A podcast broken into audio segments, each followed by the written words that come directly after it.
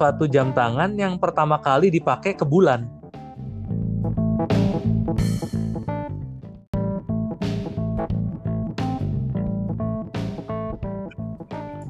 Halo, kembali lagi di podcast kami Talkspektif. Kali ini episode 10. Eh, jaraknya lumayan jauh ya dari episode 9 ini kita recordnya ya Don. Iya kasih istirahat dulu lah pendengar biar nggak di keber terus. Tapi kemarin kan Om Brandon sempat sakit dan sembuh sekarang ya puji Tuhan ya. Iya, bisa gaspol lagi. Nah, sekarang kita bahas apa ya? Tadi tentang ini ya, tentang jam tangan kali ya, Don. Ah ya boleh tuh. Sebagai hobi laki-laki ya biasanya. ya. Iya, kalau kalau apa ya beli jam tangan selain hobi ya ini juga kadang-kadang kayak suatu apa ya? Kalau nggak ada jam tangan di tangan kita tuh kayak aneh aja buat laki-laki kayaknya gitu kali ya. Iya, baik kalau ada kebiasaan tuh kayak apa tangannya enteng amat kayaknya gitu ya. iya iya iya. Biasanya apa ya pertanyaan yang banyak muncul tuh itu kali ya.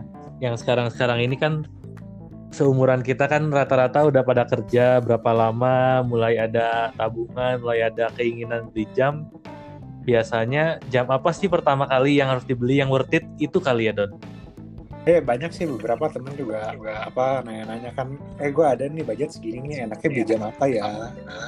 Iya iya iya iya. Karena jam tangan tuh menarik banget sih sebenarnya ya. Eh, terlepas dari fungsi utamanya penanda waktu, nunjukin waktu, ya ada yang pakai jam buat fashion, ada yang buat apa ya pelengkap, ada yang buat sampai investasi gitu kan banyak ya tujuannya Don. Iya bukan cuma buat nunjukin jam doang sih. Iya iya iya. Kan harusnya zaman dulu begitu kali ya. Orang beli jam tangan tuh ya, kita lagi di mana, pengen tahu sekarang jam berapa, lihat jam tangan kan harusnya begitu ya. Iya cuma kan karena itu udah bertahun apa pro- produsen udah bertahun-tahun jadi ada value-nya di sekarang. Oh iya iya benar benar benar. Nanti deh kita bahas bahas rada lamaan dikit nanti kalau nggak berat nih dari awal begitu. Oh ya benar-benar benar. Oke. Paling apa ya kita mulai dari harga berapa dulu ya? Yang pertama misalkan di bawah 5 juta deh kali ya Don. Gue 5 juta boleh. Banyak lagi. Udah Banyak pusing. banget ya sebenarnya. Tapi apa ya? Kan paling ini dulu kali ya. Jam kan ada yang fashion, ada yang function, ada yang apa ya rugged gimana manly banget gitu ya. Jam yang apa ya namanya senggol sana senggol sini nggak apa-apa gitu kan ada yang gitu kan. Iya ada shock resistannya. Iya ya kalau yang tadi misalkan fashion di bawah 5 juta banyak banget sih sebenarnya ada Fossil, ada Guess, GC dan lain-lain. Apalagi itu Don? Fossil gas atau enggak T-Max juga oke. Iya sih T-Max bisa juga sih. Kalau yang rugged yang manly udah pasti G-Shock ya. Orang-orang udah banyak pakai kan cowok-cowok gitu. Tapi mungkin milih jam enakan dari apa ya? Eh, modelnya kali ya. Oh iya sih Kan- kayak iya iya iya. Kan kita nggak bisa dong pakai G-Shock ke kondangan kayaknya nggak nyambung deh. Oh iya iya. Ini bener sih. Dari sisi itu bener banget sih. Jadi ya kalau kondangan ya kan kita nggak mungkin pakai G-Shock kali ya. Pakainya Iya, ya kan? yang formal. Mungkin kalau milih jam pertama enakan eh, apa?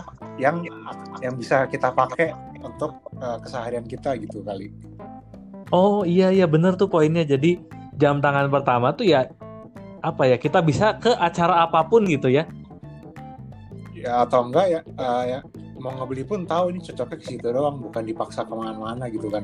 oh iya iya ya bener sih bener bener bener banget jadi ya tergantung kita apa ya pengen pakai jam itu lebih banyak ke mana gitu ke kerjaan kah ke acara khusus kah atau ke yang adventure kah kita main sepeda pengen pakai jam gitu kan jadi beda-beda pilihannya kan Iya, soalnya ada kayak temen gua gitu dia sehari-hari nggak mau pakai jam sayang Betul. katanya. betul Cuma begitu mejeng nongkrong gitu ya keluar deh senjatanya. iya iya iya paham paham paham Cuma paling ini kali kita bisa share uh, mungkin merek yang menarik kali ya untuk di range harga segitu yang model juga banyak. Iya iya. Ya kalau gua pribadi ya pasti gua nyariinnya Seiko sih ya kalau di bawah 5 juta karena banyak banget sih dia punya line up line up ininya uh, mau dari yang casual, mau dari yang formal, mau yang rugged, hampir semua ada sih Seiko atau mungkin gampangnya kalau yang masih awam banget ya jam yang strapnya rantai sama karet ada deh gitu ya Oh iya, tapi ya terlepas itu sih kalau strap kan lu mau karet, mau rantai, mau leather kan lu bisa diganti ya sebenarnya itu semua jam juga bisa. Iya juga sih, cuma biasanya uh, apa strap standar yang dikasih itu menyesuaikan gak sih sama model si jamnya sendiri? Hmm. Kayak ya cara termudah lah untuk milih dulu apa enggak ya? Iya sih bisa sih bisa jadi patokan sih strap bawaan awalnya either itu bracelet or uh, leather atau karet atau resin bisa aja sih mendeskripsikan jam itu ya. Cuman ada juga sih Don kadang kayak di Seiko gitu banyak juga satu satu ini deh satu piece uh, jam tangan dia punya bezel sama punya mechanical sama cuman strapnya dari sananya juga udah beda-beda tuh Don. Oh iya sih si prospek gitu ya. Iya ada yang bentuknya sama nih padahal kalau dikasih bracelet uh, buat formal masuk buat casual masuk makanya dari sana juga dijualnya udah beberapa jenis gitu strapnya.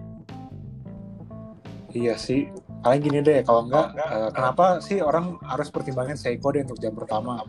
Kalau enggak? Uh, ya boleh deh. Kalau itu ya kalau menurut gue pribadi value-nya sih. Maksudnya dengan harga yang gak terlalu mahal, tapi lu dapet fitur, lu dapet history, lu dapet value, dapet mesin, dapet kualitas yang oke okay gitu, worth worth the money lah. Hmm, jadi beli jamnya bukan beli apa modelnya doang gitu ya? Oh iya, oh iya, iya benar benar benar benar. Jadi bukan cuma kita dapat looksnya doang, tapi kita dapat hampir semuanya gitu di Seiko tuh menurut gua. Tapi nggak tahu kalau orang lain gimana ya. Ya kebetulan karena gue kena racun juga jadi gue setuju aja sih. oh iya. Iya iya iya. Ya apa ya? Seiko tuh gimana? Ini Seiko tuh sebenarnya merek menarik sih lu punya har lu punya uang ratusan ribu lu bisa beli Seiko. Sampai yang ratusan juta pun ada Seiko. Iya herannya itu sih. Kadang ada ya mereknya bisa begitu. Iya itu agak jarang sih punya su eh, suatu merek punya range harga yang sejauh itu gitu.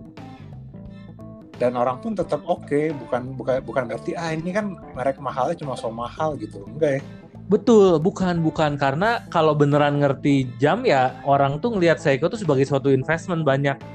Jadi nggak hanya merek-merek kayak Rolex atau Patek atau AP atau RM gitu-gitu. Kan orang mostly mindsetnya gitu kan oh gue harus punya Richard Miles supaya gue investmentnya A B C D E. Enggak Seiko juga banyak gitu. Walaupun yang mungkin yang yang ngerti yang nggak sebanyak RM oh iya iya tergantung sih kalau gue boleh bilang kalau ini apa ya bukan bukan menyudutkan ya kalau dalam tanda petik orang kaya lama itu jarang yang punya Richard Mille yang punya Patek jarang biasanya Rolex doang Oh iya benar sih kalau itu. Ya kan? Beda. Makanya tergantung kalau orang kaya lama dalam tanda petik ya, either dia punya Rolex atau dia nyimpen banyak uh, Omega vintage, kalau enggak Seiko vintage. Oh iya Seiko vintage sih. Masalah Seiko vintage enggak yang baru dikit banget. Tahun berapa yang paling muda? uh, Seiko vintage banyak sih kan Seiko pertama kali tahun berapa ya 60-an ya gue lupa 50-an lupa sih gue Nah, itu kan yang model-model terbaru pun banyak line up-nya yang reinkarnasi dari versi tahun 50-nya atau 60-nya gitu loh. Uh... Jadi diinterpretasi ulang ke sekarang-sekarang ini gitu. Jadi ya kasarnya ini brand tuh memperhatikan value dari leluhur-leluhurnya gitu lah. Makanya apa sebuah jam itu bernilai bukan karena modelnya doang gitu, tapi ada ceritanya, Oh iya harus sih itu. Kalau buat gue sih harus sih itu. soalnya apa ya gue mikirnya gini sih beli jam ber, beli jam tuh kayak Seiko supaya apa ya ya satu fungsi sebagai jam bisa kedua modelnya keren ketiga juga value-nya tuh nggak berkurang gitu kan nggak nggak berdepresiasi. Iya tapi ya value-nya nggak terdepresiasi itu bukan semua Seiko begitu dan sejujurnya harus kita pilih lagi dari line up Seiko-nya mana yang beneran value-nya beneran paling oke okay, gitu. Hmm, berarti bukan berarti nggak semudah oke okay, merek Seiko aja apa pun nggak juga ya? Nggak nggak nggak banget malah itu mah jadi ya kalau paling gampang kalau lu beli Seiko mau bedain ini barang sebenarnya apa ya dalam tanda petik bervalue tuh ada kalau Seiko ngeluarin baru tuh ada yang special edition kalau nggak limited edition itu paling gampangnya. Oh itu kan memang dia dari dari dia talasa pun ada di statnya limited kan. Betul. Nah, kalau yang special edition itu belum tentu sebenarnya nilainya akan naik, belum tentu sejujurnya. Kalau yang special edition karena dia supply-nya nggak dibatasin kuantitinya berapa. Oh. Nah, kalau yang limited dia ditentuin tuh hanya diproduksi berapa unit di dunia. Ya selama selama kita hidup cuma ada segitu-segitunya itu barang. Nah, itu baru biasanya akan naik. Oh, berarti bukan berarti edisi ini akan akan naik gitu ya? Nggak semudah itu juga ya. Nggak semudah itu juga betul betul. Tapi ya seenggaknya saat lu punya suatu barang apa pun sih bukan jam tangan yang lain-lainnya pun kalau lu punya barang yang dari sononya udah dicap special edition ya seenggaknya lu dibanding orang lain lu punya suatu yang lebih gitu value-nya. Oh iya sih misalnya nyebut lu ini cuma ada sekian unit nih di dunia nih gitu kan Uh, ya ya kalau yang special edition bisa gitu. Kalau yang limited edition kan lu dengan pasti. For sure lu ngomong ini unit nomor sekian dari sekian gitu. Kayak mobil apa kan suka ditulis tuh di dashboardnya. 005 dari 200 oh, iya. gitu kan. Oh, itu tuh nggak bisa nggak bisa ngebantah sih. Iya. Kan kita kan kalau special edition bisa ngomong ini nggak terlalu banyak ya. Kan kita nggak pernah tahu number of productionnya berapa. Itu kan jadi buat dalam tanda petik kalau kita mau jual lagi sebagai investor atau sebagai pembeli ya kita nggak bisa ngomong. Itu bukan data itu kan hanya suatu opini jadinya. Hmm, menarik benar juga. Jadi apa ya? iya kan? Ya maksudnya gimana ya? Saat lu berprinsip mau misalkan ini fokus eh misalkan apa ya? Spesifik deh. Lu beli jam tangan buat investment. Ya lu harus bener-bener research sedalam-dalamnya tentang jam itu. Data-datanya lu kumpulin baru lu bisa someday jual lagi terlepas dari kelangkaan ini barang tapi value-nya buat generasi mendatang oh worth it ini gitu value-nya kebayang gak sih? Hmm, ya berarti ya apa ya benar-benar mesti ngedalamin sendiri gitu kan bukan kata orang kata orang aja ya? Oh iya harus harus. Ya kalau prinsip gue gue beli misalkan beli jam tangan A gitu ya. Pertama harus suka dulu sih kalau gue harus suka dulu bentuknya suka dulu looksnya baru gue research research dalam-dalamnya tentang jam itu baru gue putusin untuk beli gitu. Tapi nggak serta merta oh ini katanya bakal naik. Udah kayak udah ikutan beli. Padahal modelnya mungkin kurang serap jangan itu juga ya. Jangan sayang, jangan sayang justru. Nah itu tuh banyak kejadian. Jadi satu jam tuh kadang dirilis terbatas nih don. Hmm. nah gara-gara dirilis terbatas dia saat di launching itu hype kan? Iya. Nah itu harga tuh harga tuh jadi mahal gara-gara hype karena demandnya banyak kan. Oh. Nah padahal kalau si jamnya itu sebenarnya udah over value tuh saat di launching gara-gara hype jadi over value harganya harga jualnya saat itu. Oh jadinya malah ya udah harganya mentok gitu kan? Iya jadi harganya lu lu beli kalau hype tuh lu beli lagi bubble kalau lagi bubble harga lagi tinggi lu beli ya jangan lu tunggu dulu lah setahun dua tahun kalau lu yakin bener nih barang value nya bagus lu setahun dua tahun tuh biasa turun karena hype-nya udah mulai kurang. Oh. Karena ada beberapa Sa orang yang beli karena cuma hype tapi nggak ngerti, akhirnya dia putusin jual lagi, jual lagi, jual lagi, jadi supply di market tuh banyak. Oh, karena oh ternyata gue udah setahun dua tahun situ gitu aja nih, udah daripada nggak jadi apa-apa gue jual aja gitu. Ya, ya, ada banyak lah gitu, ada yang butuh lain-lain akhirnya dijual. Nah biasanya tahun-tahun setahun dua tahun kemudian tuh harganya turun tuh. Oh, berarti mungkin apa ya? Kita kalau mau ngeliat jamnya ini benar-benar hype atau enggak, ya lihat dua tahun lagi harganya gitu ya. harga di market. Betul, makanya gue kadang juga ada beli jam yang tadi ya hype, gue beli dua tahun kemudian. Jadi harga lagi turun-turunnya tuh lagi ibarat saham deh, lu beli lagi bottom bottom line-nya, nanti lu karena ini sebenarnya punya value, cuman gara-gara kemarin hype-nya terlalu over jadi turun, nanti akan naik lagi karena value sebenarnya bagus gitu. Oh seru juga nih, gue baru baru belajar nih cara belinya gini. iya ya, makanya lah itu sebenarnya info-info rahasia ya kayak gitu ya. Saya kalau bisa kan jelas apa ada nilainya berapa, ada grafiknya kan, tau lah kapan enak beli. Cuma kalau barang kayak jam gini kan ya murni tebak-tebakan tiap orang. Iya iya iya. Ya, gue banyak belajar dari itu juga sih. Dia kolektor di luar negeri kan biasanya apa ya orang hobi jam di luar negeri itu biasanya bikin channel YouTube. Dia akan jelasin value-value-nya. Ini orang sebenarnya koleksi Rolex dan lain-lain. Nah dia sering ser, apa uh, sering nih lihat Seiko lihat G-Shock yang limited limited dia beliin. Tapi belinya tuh bukan saat hype-nya. Dia belinya saat nanti turun nanti dijual lagi baru baru naik lagi gitu. Oh itu udah lebih expert lagi tuh. Iya ya ya lumayan lah. Itu makanya gue terakhir beli jam yang paling terakhir beberapa minggu lalu juga gitu. Gue caranya gitu don. Oke lihat dulu nih. Oh si ini si ini si ini pakai nih. Berarti nah. iya jadi ya gitu deh. Jadi sebenarnya dalam tanda petik selebritas-selebritas kadang pakai jam-jam tertentu itu tuh mereka juga pinter kalau yang beneran ngerti nih ya kalau yang beneran ngerti tuh pinter mereka ya udah biarin dulu deh yang artis-artis muda dulu yang beli kita mau belinya nanti aja harga market udah turun tapi kan value-nya masih bagus Oh ya udah udah diskon deh baru gue beli iya. gitu ya iya. jangan harga price list banget. Iya betul banyak kan gitu kalau artis lama dalam tanda petik kalau artis baru yang nggak ngerti gue. nah baik lagi kalau di range harga 5 juta ke bawah tuh ada nggak yang bisa begitu? Uh, Seiko ada di bawah 5 juta ada yang bisa begitu banyak. Seiko banyak G-Shock kalau di bawah 5 juta yang bisa gitu susah. Kalau yang lainnya mostly brand fashion ya fossil fashion kalau dijual lagi turun. Di bawah 5 juta lu beli T-shirt juga sama.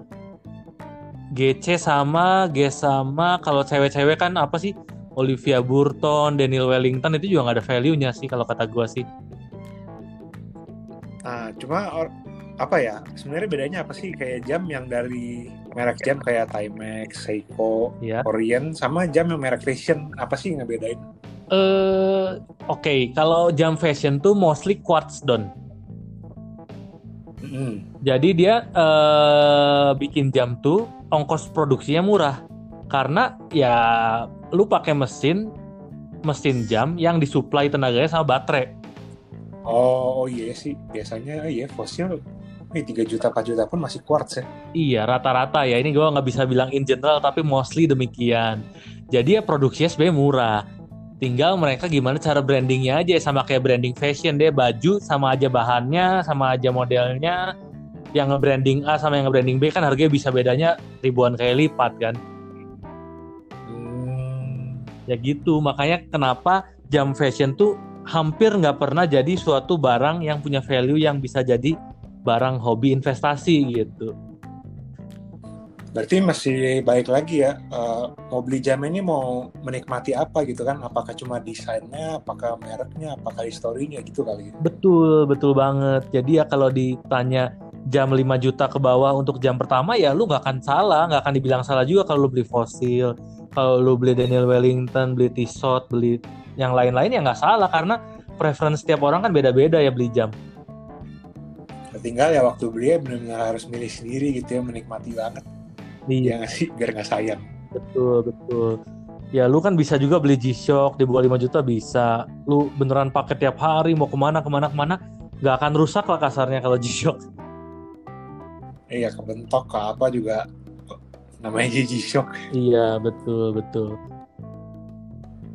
Kalau jam fashion ya gitu sih. Apa ya dia punya ketahanan biasanya juga nggak seriable bisa dibilang nggak seriable ya udah jelas kalau dibanding G-Shock sih iya. Kalau sama Seiko aja biasanya kalau jam fashion tuh nggak nggak terlalu reliable. Gitu. Kita head to head deh misalkan jam fashion uh, apa ya fosil aja ya itu kan quartz tuh movementnya uh, baterai. Iya, kita, jarang sih otomatis ya. Mm, kita bandingin sama jam quartz lagi, misalkan Casio deh, Casio banyak tuh jam quartz. Itu biasanya baterainya itu lebih tahan yang Casio. Ini Casio mah emang normal baterainya. Betul.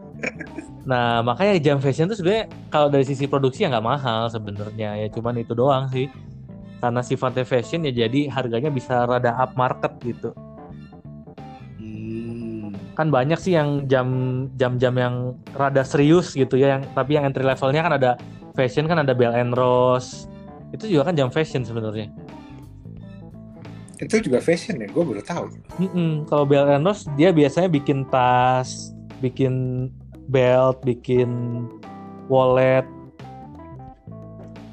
Cuman dia ngeluarin hmm. juga jam yang sebenarnya cukup hype karena dia punya desain kan unik ya Iya kotak gitu aviation. Iya kotak, cuman dalamnya ada bulatnya gitu. Itu kan jam-jam unik.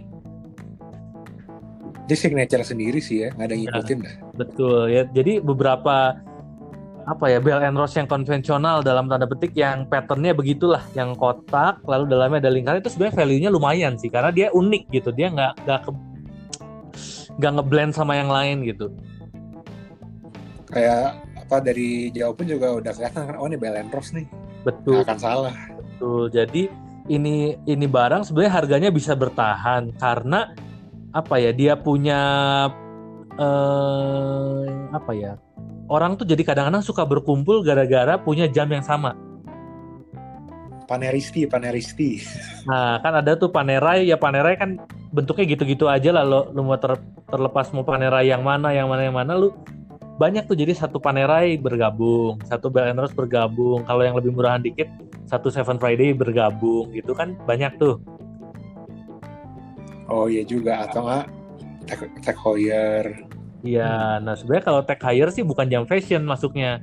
Kalau tech hire itu sebenarnya dari dulunya udah bagus value-nya. Dia suka ikut partnership sama motorsport dari zaman dulu sampai sekarang. Itu sebenarnya dari masih hire doang tuh ya. Kenapa? Dari mereknya masih Hoyer doang. Iya, betul, betul. Nah, cuman dia kan pernah dalam tanda petik rada gagal saat dia ikut-ikutan bikin smartwatch connected itu. Iya, kayaknya merek merek jam bener tuh yang bikin smart stack Hoyer doang ya. Yang lain ada nggak ya? Setahu gue sih nggak ada ya. Rolex nggak bikin, Patek nggak bikin, apa nggak bikin, Bell Rose nggak bikin, Seven Friday nggak bikin, Tudor nggak bikin, Omega nggak bikin. Setahu gue cuma itu doang sih. Tech Hire doang ya bikin smartwatch gitu kan. Oh, salah angka sendiri kali. Iya, dia beneran beneran smartwatch lagi. Karena gini, Seiko juga sebenarnya pernah ada line up yang dalam tanda petik digital gitu, tapi bukan smartwatch gitu. Digital to aja kan kayak iya. G-Shock aja. Iya kan G-Shock juga ya kan sebenarnya digital kan tapi dia kan emang tidak terlahir untuk jadi smartwatch gitu ya tapi dia tetap teguh pada pendiriannya kalau itu digital gitu.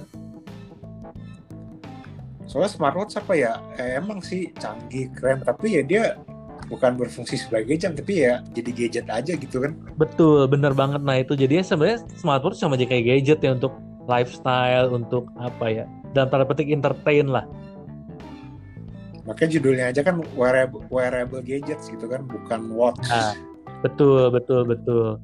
Nah, si tech hire tuh sebenarnya di dari dari sudut pandang investor tuh value perusahaannya tuh ada turun semenjak dia ngeluarin connected sampai 3 series ya. Sampai hari ini ada connected versi 3 kalau nggak salah. Oh, soalnya downgrade kali ya jadinya.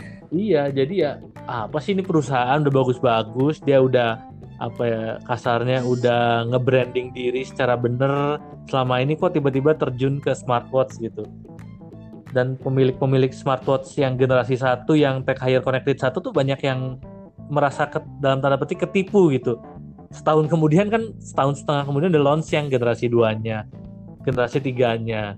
Jadi ya kayak dia punya barang saat generasi satu tuh nggak ada value sama sekali gitu mungkin karena ini nggak sih? Karena karena yang apa karena merek mewah yang terjun cuma dia sendiri makanya dibilang fail gitu kan. Coba yang lain ikut ikutan mungkin ceritanya beda kali. Oh iya benar benar benar. Iya kan? Benar ya ya terlepas sih kan namanya berarti kan di situ si tech hire kan melakukan suatu inovasi kan? Inovasi yang tapi kurang diapresiasi berarti ya. betul betul. Entah itu kurang diapresiasi atau yang memang beneran ya ini not should be gitu apa sebagai value brandnya bukan ke sana gitu ya iya kan kan kadang apa ya inovasi kan bisa aja kan berarti kan dia melakukan sesuatu yang baru kan mm-hmm. bayangin aja misalkan Rolex deh tiba-tiba Rolex bikin jam uh, smartwatch ya aneh aja gitu Iya sih kayak ah, ya udah nih smartwatch biasa ditempel logo Rolex doang jadinya gitu. Iya iya iya. Semacam suatu kesalahan lah kalau menurut gue si Tech Heuer bikin connected. Hmm. Padahal kan banyak ya line up yang apa memorablenya Carrera banyak banget lah Tech Heuer. Iya Carrera yang apa satu ya lebih mahal dikit ya dari Seven Friday juga dapat padahal dan itu keren. Iya iya nah gue kalau bener-bener kalau yang spesifik Seven Friday itu sebenarnya sebenarnya ya Seven Friday itu jam bukan buat investasi sih itu beneran jam fashion sebenarnya. Iya itu tergoreng gak sih sebenarnya? Itu ya itu tergoreng hype. Seven Friday itu tergoreng hype jadi ya buat temen-temen itu kan kayak booming banget kan di seumuran kita atau seumuran anak kuliahan itu kan cukup booming tuh don. Ya terus dia ada orang apa limited Indonesia lagi ada grafir peta Indonesia gila. Ya bener. Dan memang pemakai-pemakai yang pertama kali pakai itu memang orang-orang yang cukup terpandang juga memang awalnya. Nah cuman harganya itu udah kegoreng jadi eh, jamnya sih ya oke okay lah. Gue pernah ngalamin juga itu barang eh, dari sisi presisi desain oke. Okay dari sisi kompleksitas looks, kompleksitas mesin seolah-olah rumit iya. Dia punya reliability ya oke, okay. sampai hari ini pun masih oke okay sebenarnya. Cuman untuk harga awal yang misalkan awal banget sekitar 15 20 itu kemahalan. gue jujur pribadi rada sayang sih range segitu bisa dapat tag. Betul. Soalnya Betul, nah makanya kalau lu beneran mau tetap coba Seven Friday ini ya, misalkan teman-teman ada yang mau gitu, cobalah ke secondary market karena harga marketnya down. Oh, akhirnya down ya? Oh, Gak bisa bukan, sustain ya? Bukan akhirnya, dan itu dari dulu memang down. hmm, gue kira dia akan satu waktu ketemu gitu, value ternyata enggak juga ya? Enggak, enggak. Makanya gua pun waktu awal mula dulu beli Friday itu bekas, Don. Hmm karena deh. Iya penasaran kan zaman dulu ya belinya bekas harganya jauh. Sekarang tuh harga bekasnya tuh bisa tinggal wait sepertiga barunya. Oh. Coba deh, lu iseng cari secondary market, lu yang original tapi yang harus ada paper uh, sepertiganya. Berarti mungkin boleh tuh yang apa tadi budgetnya uh, eh, 5 juta ke bawah tambah-tambah dikit. Oh iya, jadi jadi enam tujuh juta lalu bisa dapet deh Seven Friday bekas. Kalau penasaran, tapi ya kalau kata gue jangan lah value-nya nggak ada menurut gue. Sekedar punya satu ya boleh lah, kalau udah punya jam tangan berapa boleh lah. Sekedar coba, tapi kayak kalau pertama agak sayang ya. Iya, jangan, jangan deh, jangan jadi jam pertama. Lu punya Seven Friday, jangan deh, mending Seiko di Trust Me. Oh paling ini sih kayaknya kalau jam apa Seiko gitu sama fashion, kalau lihat detail beda ya pengerjaannya. Oh iya beda ya lu kebetulan kan kemarin keracunnya prospek don uh-uh. itu prospek sebenarnya kalau dari sisi presisi dari sisi desain dari sisi fit to fit itu memang bagus kalau prospek udah cukup lah hmm. apa ya si prospek itu harus harus beneran bagus karena dia kan fungsinya sebagai jam diver kan don Oh dia emang, emang jam diving yang banyak kan? Oh iya, prospek tuh mostly sebenarnya jam diver don, kan itu 200 meter itunya. Uh, dia bisa nyelam air kan 200 meter. Hmm. Nah makanya sebenarnya kalau Seiko yang prospek itu udah cukup bagus karena dia memang harus bagus dari sisi presisi, fit to fit, gap-gapnya harus bagus karena dia pakai nyelam dalam. Oh, apa emang didesain untuk dibutuhkan se sepresisi setinggi itu gitu ya? Bukan ya. buat keren-keren doang. Betul. Bukan bukan. Dari sisi movement dipikirin dari lu bikin screw case belakangnya dipikirin itu semua dipikirin kalau prospek. Beda sama Seiko Sports. Kalau Seiko Sports secara desain kadang mirip, looksnya mirip, cuman begitu lu pegang, begitu lu rasain ujung-ujungnya, lu pakai braceletnya beda. Iya sih kemarin gue sempat kepikir apa beli SKX saja ya atau sport sih tapi setelah ngeliat barangnya langsung oke okay deh nggak jadi. iya karena kalau yang sport walaupun looksnya kadang mirip malah kadang lebih ganteng gitu-gitu tetap yang sport tuh rata-rata pun uh, cuma 10 10 bar kan dia cuma bisa nyelam 100 meter. Oh, oh, oh iya sih. Iya, iya itu beda sih. Water nah, resistant. Betul. Lu kalau punya ya kebetulan gua ada yang sport ada yang prospek lu kalau pegang bezelnya walaupun sama-sama stainless lu pegang braceletnya sama-sama stainless beda. Kalau yang sport tuh rata-rata lebih tajam ujungnya. Terus lihat-lihat detail tuh dalamnya juga beda nggak sih? Beda. Ya. Tuh nah sebenarnya kayak oh dilihat detail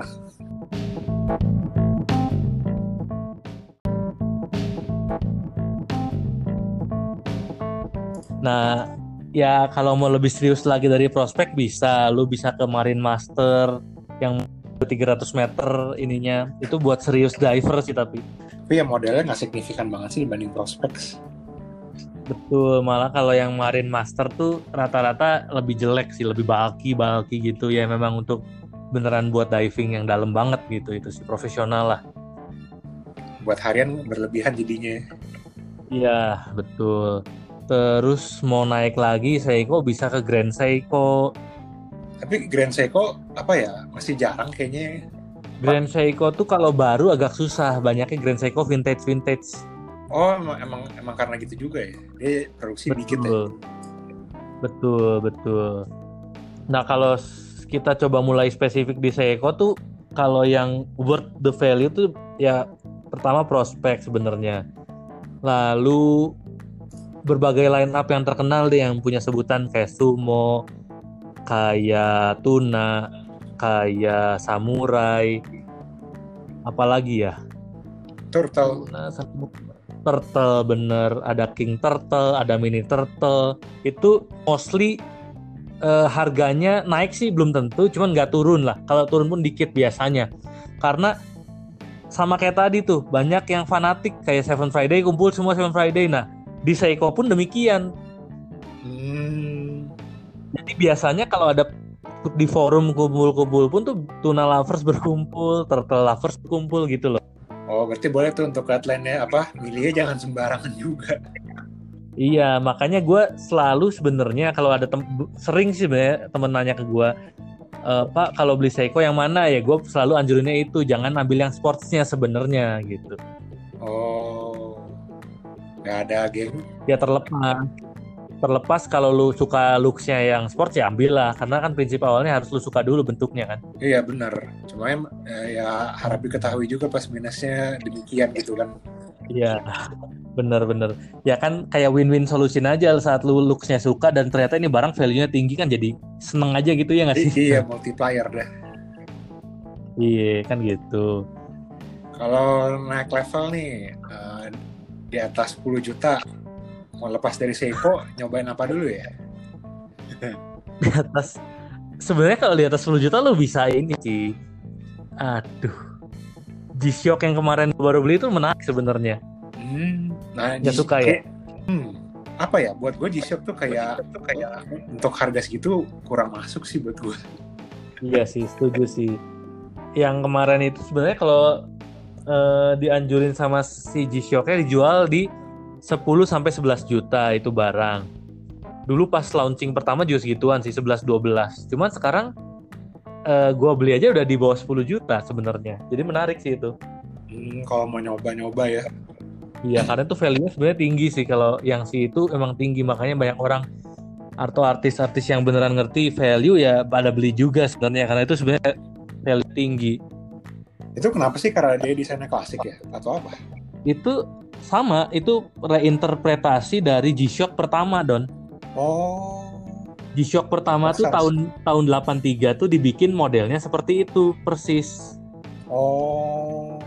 Nah, mm, nah sekarang yang tahun 2018 diluncurin tuh tepat bertepatan saat si Seiko itu ulang tahun ke 35 tahun. Si G-Shock maksudnya? Eh, Seiko lagi ya gue lagi liatin Seiko jadi ngomong Seiko. Iya, si G-Shock. Duh. Oh, makanya ada si ada segitu value-nya. Betul. Nah, saat 35 tahun ulang tahun di Jepangnya sendiri saat itu launching 2018 full selama setahun di Jepang si G-Shock itu ngadain acara khusus untuk uh, G-Shock G-Shock lini-lini G-Shock yang ulang tahun ke 35 tahun dirayain full setahun itu. Oh, seru juga ya. Betul. Kan yang uh, seri 35 tahun itu bukan hanya yang ini aja kan yang gue beli kan GMW B5000 kan. Jadi uh. ininya uh, nama barangnya deh. Uh. Ada lagi dua kalau nggak salah gua kalau gua nggak salah dua lagi tipe yang di launching memang bertepatan 35 tahun. Cuman yang menurut gue paling sentimental value yang ini karena bentuknya sama persis. nah, hmm. saat 2018 itu di Jepang dia diadain terus tuh acara per bulan atau berapa bulan sekali gitu entah itu acara yang kecil-kecilan, entah itu acara rada gedean, ngundang artis, ngundang ya gitulah tokoh-tokoh gitu untuk ngerayain ini kita udah 35 tahun loh di dunia gitu loh. Berarti apa ya itu sebuah bayangan sih kalau sebuah bayangan kalau jam yang bernilai itu bisa segitunya gitu kan dijaga betul, sama brandnya. Betul, betul. nah makanya, nah terus yang model ini pun uh, dia tuh ditambahin suatu fitur ya Bluetooth itu. ditambahin itu fitur Bluetooth itu buat apa sih? Untuk tetap up to date sampai kapan pun. Jadi bukan smartwatch, tapi dia cuma ditambahin Bluetooth untuk dia bisa up to date sampai kapan pun. Adjust jamnya gitu. Iya, adjust jamnya. Jadi lu tuh misalkan nih, misalkan lu suka traveling, misalkan lu bulan A ke Europe, bulan B ke US, bulan ya sih gitulah antara benua itu lu saat pakai jam itu ke sana jamnya itu otomatis menyesuaikan sendiri. Oh ya karena dia uh, ngikutin jam di HP kan soalnya. Iya betul, sesimpel itu cuman useful gitu. Oh iya sih. Dan tidak mengubah kayak misalkan Tech Heuer dia bikin smartwatch kan dia bisa ngukur denyut jantung. Ya like smartwatch kayak Mi Band gitu atau Apple Watch kan. Iya iya benar. Nah kalau ini nggak bisa. Ini nggak bisa oh. benar-benar cuma gitu doang gitu fiturnya. Jadi ini ben menurut gua ini suatu fitur yang benar untuk suatu jam yang pengen punya value lebih tapi tepat sasaran gitu. Nggak merusak nilainya ya. Nggak merusak nilainya betul. Oh seru juga.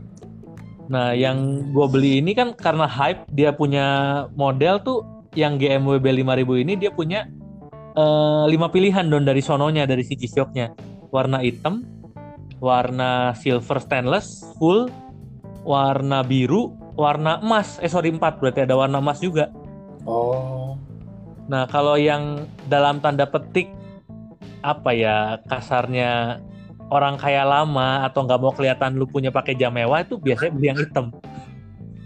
Ya karena kalau nggak tahu barang, gua nggak tahu sih value bisa segitunya di shop. Iya makanya.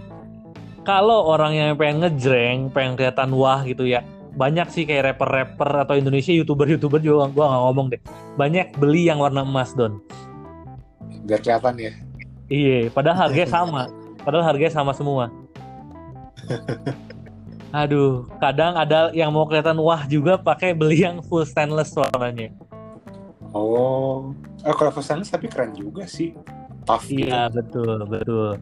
Tapi kalau yang full stainless itu tuh ada ada dua part dari bodinya. Oh bisa lecet jadinya ya kalau stainless mah. Iya harusnya kan rugged, tough gitu ya. Nah kalau yang stainless lu uh, suka banyak ini hairpin uh, garis-garis. Padahal cuma kena kuku kena apa cuma jadi garis kalau yang di stainless itu. Oh tetap pengetahuan ya. Kalau dia iya kalau yang hitam nggak kelihatan. Ya gitu aja kayak kayak jam G-Shock 500 ribuan gitu. Seru aja gitu nah move on lah ya kalau tadi kan di atas 10 juta ya lu bisa ke mana ya agak kagok sih kalau di atas 10 juta mulainya di 40-an paling don jadinya ke Omega. Tag dirawatinnya tag layar nih. Gak tau kenapa ya buat gue value-nya biasa aja terlepas dia punya history juga. Iya sih, iya kalau value iya sih. Omega tapi, Speedmaster. Iya iya. Tapi tapi buat yang punya kesenangan di tag bisa seneng banget sama tag gitu ya. Beda-beda lah kalau gue sih jujur nggak interested jadi gue pun akhirnya nggak mendalami gitu. Kebayang gak sih? Oh ya pantesan langsung di skip. Iya kan karena prinsip gue gue harus seneng dulu terus baru research kan ke brand atau spesifik jam itu ya baik ya baik lagi sih kalau lo mau beli ya lo seneng dulu jangan ikut ikutan ya betul jangan gitu bener banget. Nah kalau yang di atas 40 bisa ke Omega. Omega banyak. Ada si Master ada Speed Master ada apalagi Omega gue lupa. Yang paling sentimental yang Speedmaster sih yang semua orang tahu juga harusnya. Yang profesional yang gede, Widi. Iya, si Speedmaster tuh sebenarnya kenapa sampai hari ini harganya masih naik terus, masih banyak yang nyari soalnya itu kan jam jam tangan satu eh gimana ya suatu jam tangan yang pertama kali dipakai ke bulan. Oh, yang pertama tuh Speedmaster ya? Itu Omega Speedmaster. Oh, Nah itu tuh jam yang pertama kali dipakai ke bulan makanya sampai hari ini pun si Omega tuh khususnya lini Speedmaster tuh masih kerjasama sama NASA. Oh. Mm-mm. makanya dia tuh segitu value-nya segitunya gitu. Terlepas dari memang dia punya mechanical-nya bagus, punya ketahanannya bagus, tapi value-nya memang benar-benar luar biasa sih kalau Speedmaster. Jam per- oh oh kalau Tech Heuer bukan jam pertama ke bulan, jam pertama luar angkasa. Pantas gue rada bingung. Kalau luar angkasa tech higher ya bener bener. Kalau ke bulan tuh eh, yang setahu gue sih Omega Speedmaster ya. Masa dia Tech Heuer spesifik nih model ini nih ada gambar itunya roketnya. Oh gitu ya. Makanya gue lu bilang jam pertama ke bulan gue bilang nih bukannya itu ya oh beda itu Tech Heuer pertama ke luar angkasa tapi nyampe bulan Speedmaster. Bener ya. Gue soalnya ini gue nggak sambil buka laptop atau apa soalnya gue seingat gue yang gue pelajarin sih begitu ya bener gak sih? Iya benar-benar. Bener ya. Oh. Nah si Speedmaster tuh seru sih karena ya gue sangat amat suka terlepas dari value-nya looks-nya bagus banget sih menurut gue. Dia understand understand banget loh kalau lu nggak tahu juga biasa aja nggak ngejreng. Iya. Nah iya gue suka jam-jam begitu sih sebenarnya yang ya udahlah lu kelihatan biasa aja cuman value-nya luar biasa gitu. Terus modelnya gitu doang nih nggak ada variasi warna apa udah Iya, iya. Nah, kalau lu mau perdalam lagi Speedmaster tuh ada yang lebih value-nya karena dia sering banyak edisi khusus si Speedmaster tuh Don. hmm, Kalau nggak salah ya. Speedmaster tuh karena dia gara-gara dipakai pertama ke bulan makanya banyak edisi khusus yang berbau-bau moon. Ada Black Moon, ada apa ya? Gue lupa Half Moon, ada Skywalker, ada apa lupa gue. Nah, itu kalau mau ngedalamin lagi tuh ya. Ya itu sih kalau ngalamin lagi sih. Nah udah deh kita move on ke Omega nanti makin mau gue pusing. Nah, kan Nah Speedmaster Omega. kenapa? Apa Kan apa? Speedmaster Omega kan? Iya kita harus move on dari Omega maksudnya. Oh iya iya iya. Iya iya bahaya nih kalau nggak. Oh iya makanya kan karena Omega Speedmaster tuh harganya udah makin digoreng ya makanya gue akhirnya beli Seiko yang mirip Omega Speedmaster. Biar ya menghibur diri dulu lah ya. Hibur diri dulu. Dan ternyata untungnya yang gue beli itu tuh ternyata jam-jam Seiko vintage tuh modelnya begini don. Mirip-mirip nggak sih emang? Mirip-mirip dari sisi ininya bezel luarnya, dari dia punya font-fontnya tuh mirip Seiko Seiko vintage zaman dulu. Jadi ini ada yang jual pun jadi harganya kegoreng hokinya tuh. Oh iya, Seiko Vintage yang naik tuh yang ada dialnya dua gitu ya. Mirip-mirip Iya, ya. Iya, untung gue punya satu sampai hari ini. Iya, lu kalau nggak ngomong gua nggak nyadar. Oh iya ya. iya makanya itu banyak sih. Rifat Sungkar dia jam sehari-harinya Seiko vintage yang mirip yang gue punya sebenarnya cuma beda warna. Ya, itu gitu bisa deh. mempengaruhi juga ya mirip-mirip. Jadi ada value-nya. Iya iya, tapi ya terlepas lu beli walaupun mirip-mirip, tapi lu harus punya ini juga dia punya mesin bagus nggak, dia punya detail bagus nggak gitu. Hmm. Nah, move on setelah Omega, gue udah nggak gimana tahu ya paling yang suka Panerai banyak yang beneran fanatik Panerai, yang suka Tudor walaupun nggak gimana tapi ada aja yang pakai Tudor juga. Nah, Kalau kalau lu Panerai Panerai atau atau Patek? Oh ya jelas Patek pak, harganya beda jauh. tetap Patek, model model, model model Patek ya. Saya juga kalau model lebih suka Patek ya karena orang kita pakai tuh nggak nggak se nggak semenarik mata Rolex. iya sih Iya sih, lebih asik ya. Iya, kalau seandainya harus punya Rolex pun pasti belinya yang entah itu Daytona, entah itu yang Rin, jadi masih ada kesan klasiknya deh. Tapi ya tergantung jiwa sih. Kalau jiwanya jiwa muda nggak akan cocok pakai Rolex Daytona. Harus Rolex yang lain-lain deh. Tapi Daytona ya jadi iya sih. Kalau apa ya buat buat yang masih jiwa muda kurang sih. Iya iya. Ya banyak lah. Agak formal. Nah kan tapi kalau strapnya karet enggak juga loh keren iya benar benar benar ya semua jam sih karena kan awalnya Rolex kan yang bikin kayak ada Pepsi, ada Coke, ada Hulk itu kan Rolex kan yang bikin. Iya terus dipakai pak apa orang ada juga gak sih nyebut Seiko jadi eh Seiko Pepsi. Betul. Nah makanya Seiko pun akhirnya bikin. Tapi bukan Seiko doang yang ikutin si Rolex punya uh, seolah-olah mirip gitu kan. Fossil pun akhirnya bikin. Kondoti pun akhirnya bikin. Uh, Tudor pun akhirnya bikin Iya, Tudor, Tudor dia model bener yang khasnya apa sih?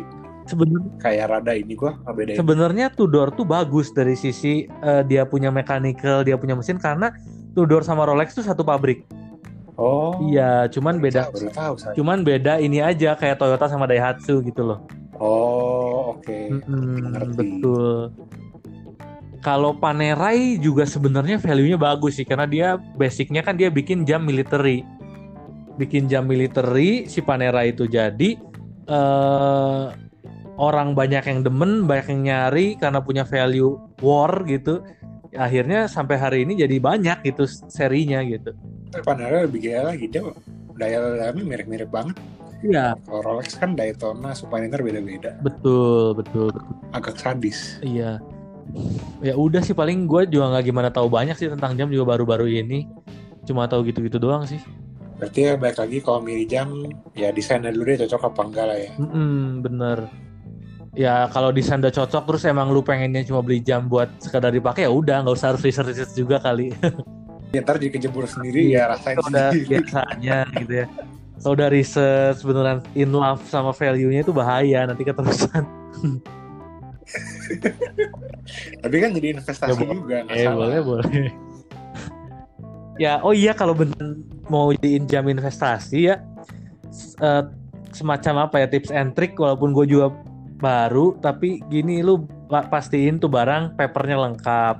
Terus lu punya surat-surat lu punya box lu punya semua deh dari lu saat lu beli tuh harus dalam kondisi yang bagus lah kalau bisa.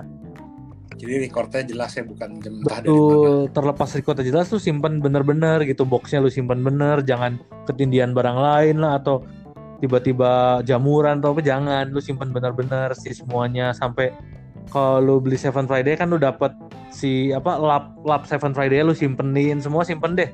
Jadi kayak saat misalkan lu rela gitu lu rela menjual lagi lu jual komplit setnya gitu.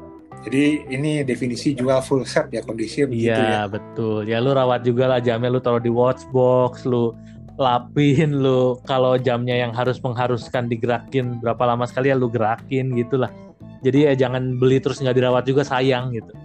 Kalau nggak ntar pas mau dilikuidasi aduh turun iya gimana. karena ada cacat atau boxnya hilang. Banyaknya sih orang boxnya hilang sih karena dia lupa namanya di mana gitu. Oh jadi jualnya ketengan iya biasanya kalau without box tuh jadi harganya lumayan kurangnya Oh, kalau strap diganti tuh mengurangi nilai nggak sih sebenarnya? Selama ganti strapnya bener, caranya enggak don. Oh, nggak apa-apa. ya. Tapi ya lu bener gitu kan itu ada kayak suatu titik, titik kecil yang ditekan nanti dia rilis. Nah itu saat nekennya jangan sampai bikin cacat bodinya aja gitu. Oh iya itu nggak bisa sembarangan hmm. juga ya.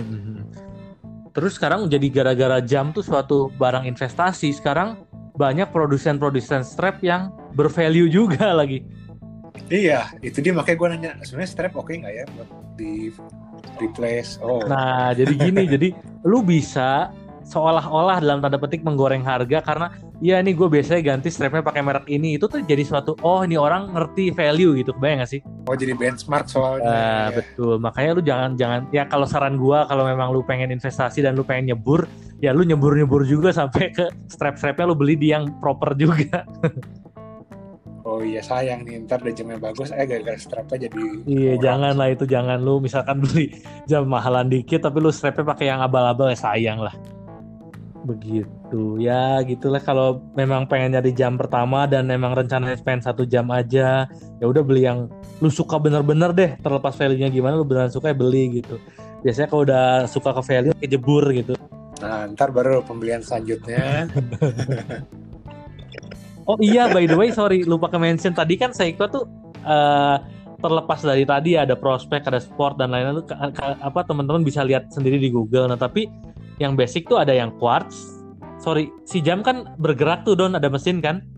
Nah, yeah. ada yang sumbernya quartz alias baterai kayak jam-jam pada umumnya atau baterai remote mobil tuh kan biasanya sama tuh.